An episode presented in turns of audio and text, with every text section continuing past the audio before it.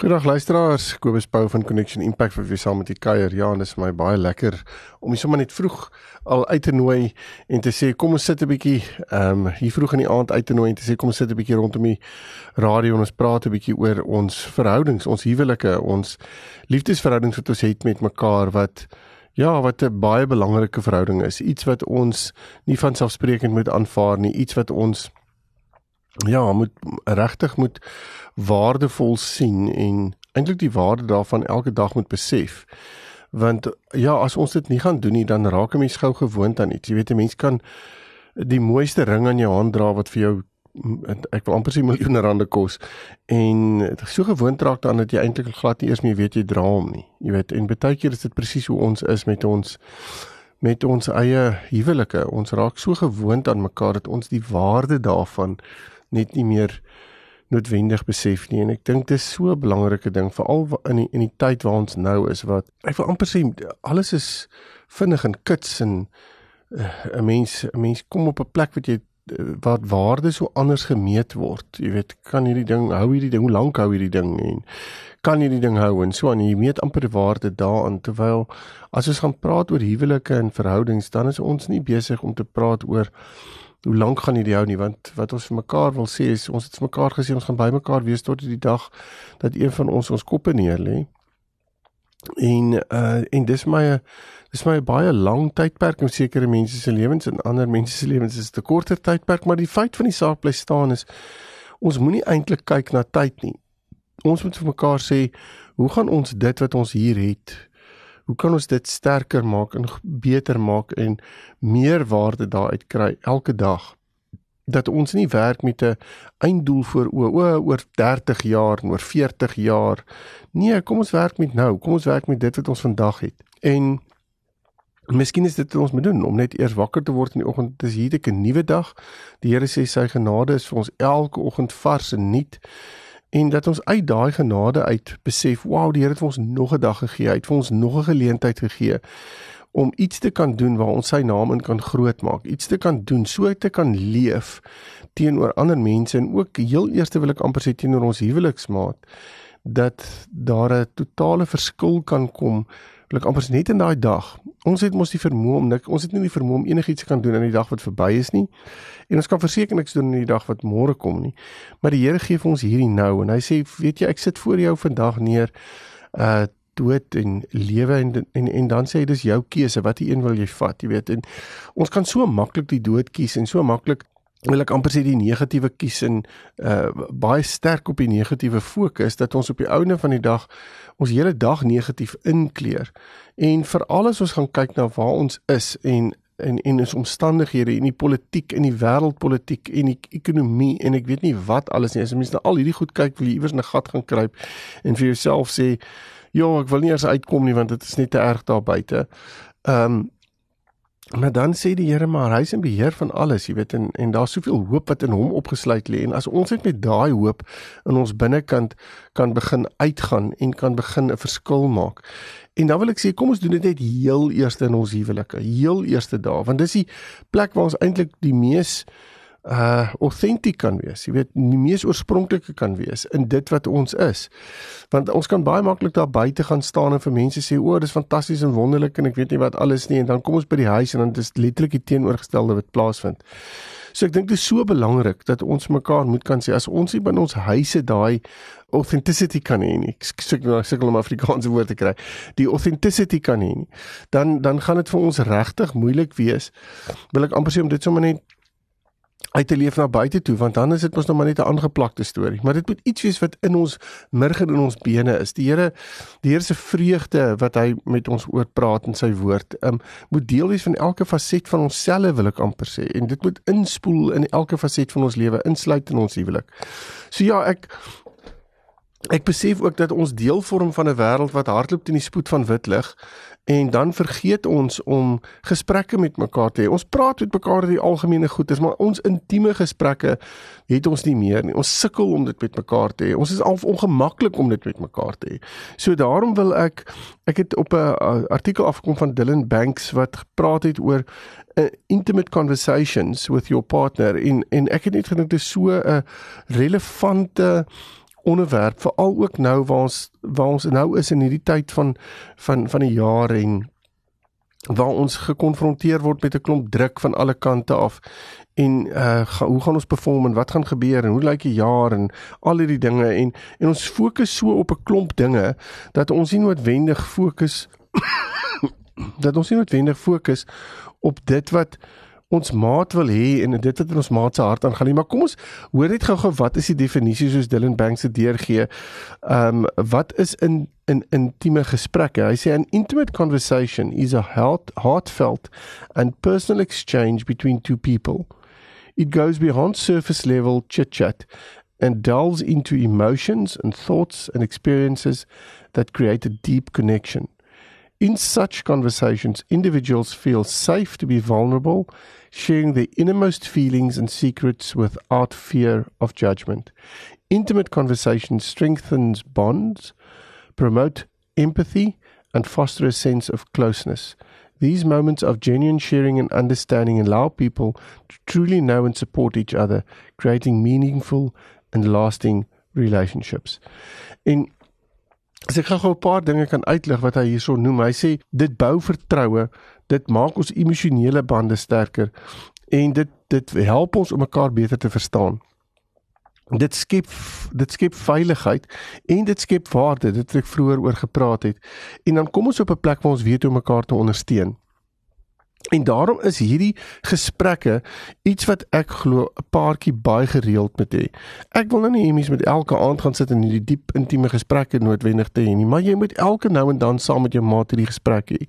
En Ek dink 'n date night is regtig 'n perfekte plek om so iets te kan hê.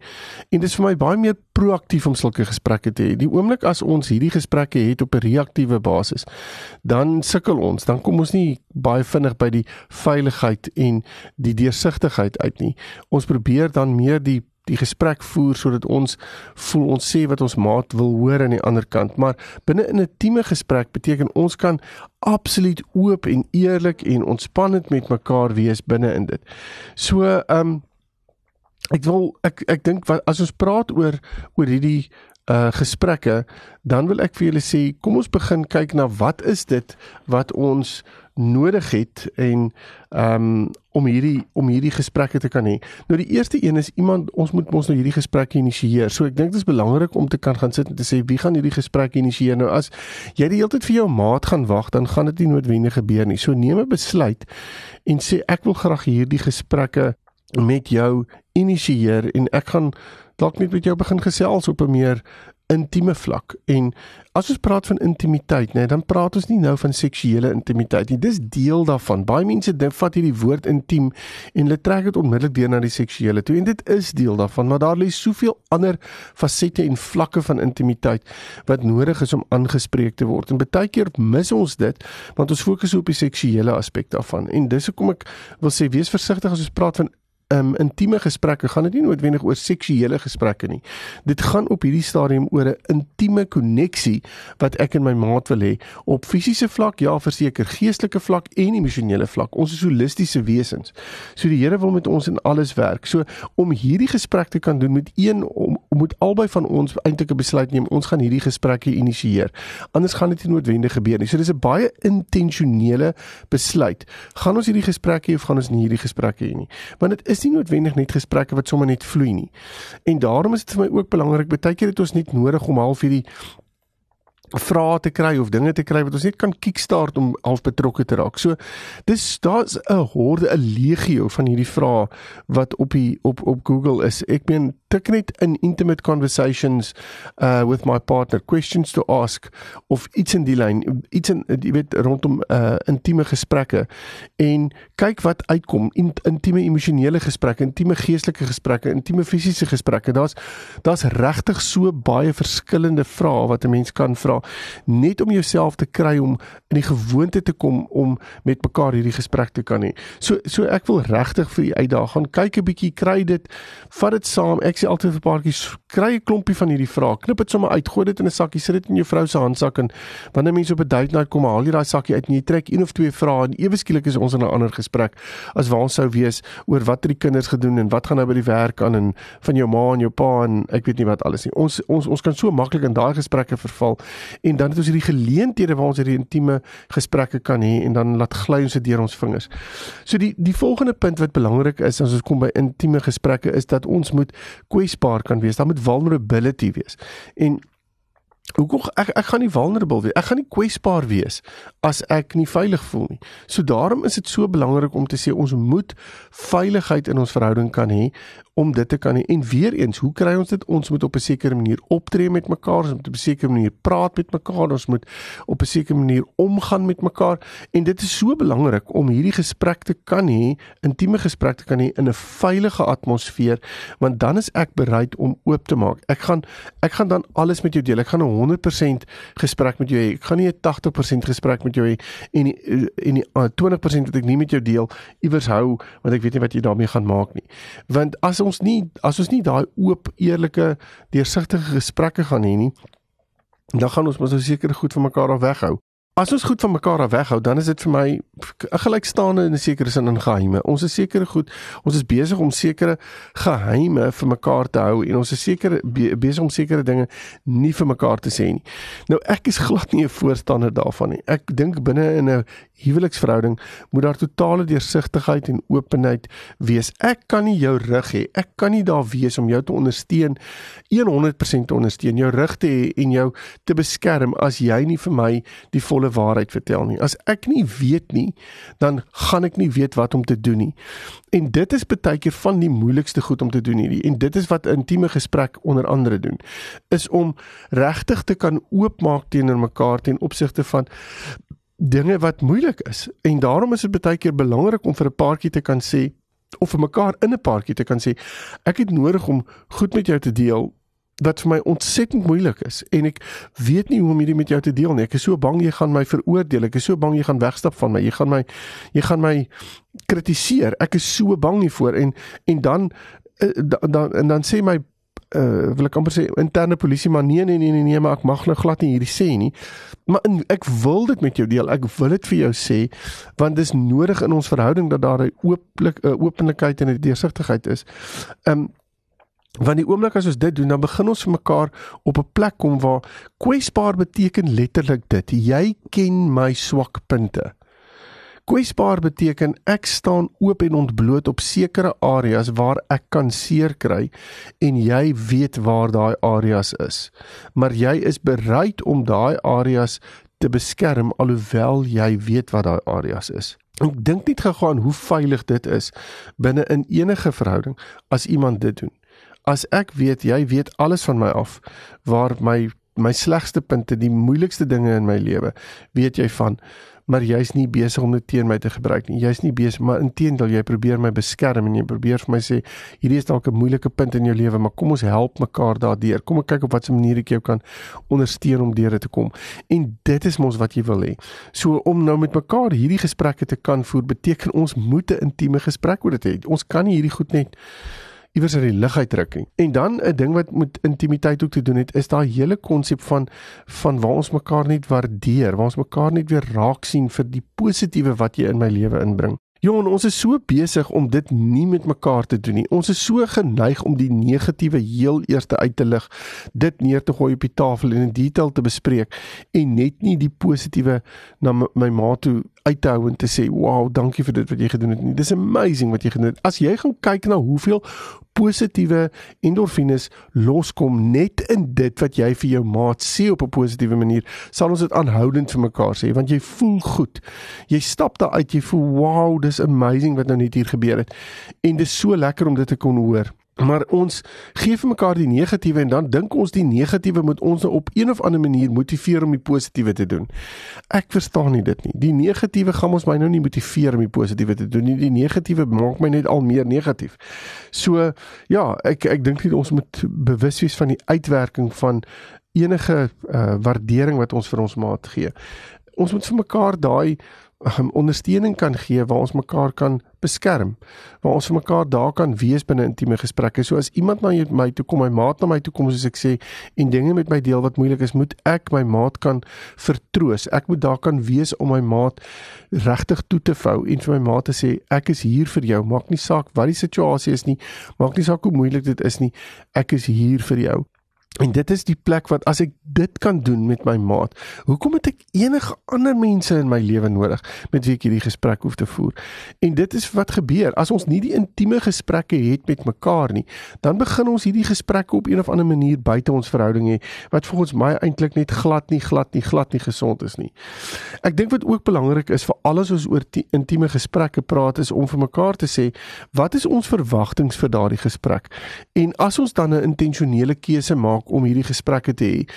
Wat is my wil ek amper sê verwagtinge daarvoor? Hoe lyk hierdie gesprekke? Ons praat van wat is dit wat jy verstaan onder die hele konsep van intieme gesprek? En ek dink dit is belangrik om met mekaar ook daardie verwagtinge te kan deel en ja, mekaar se verwagtinge te te probeer aanspreek.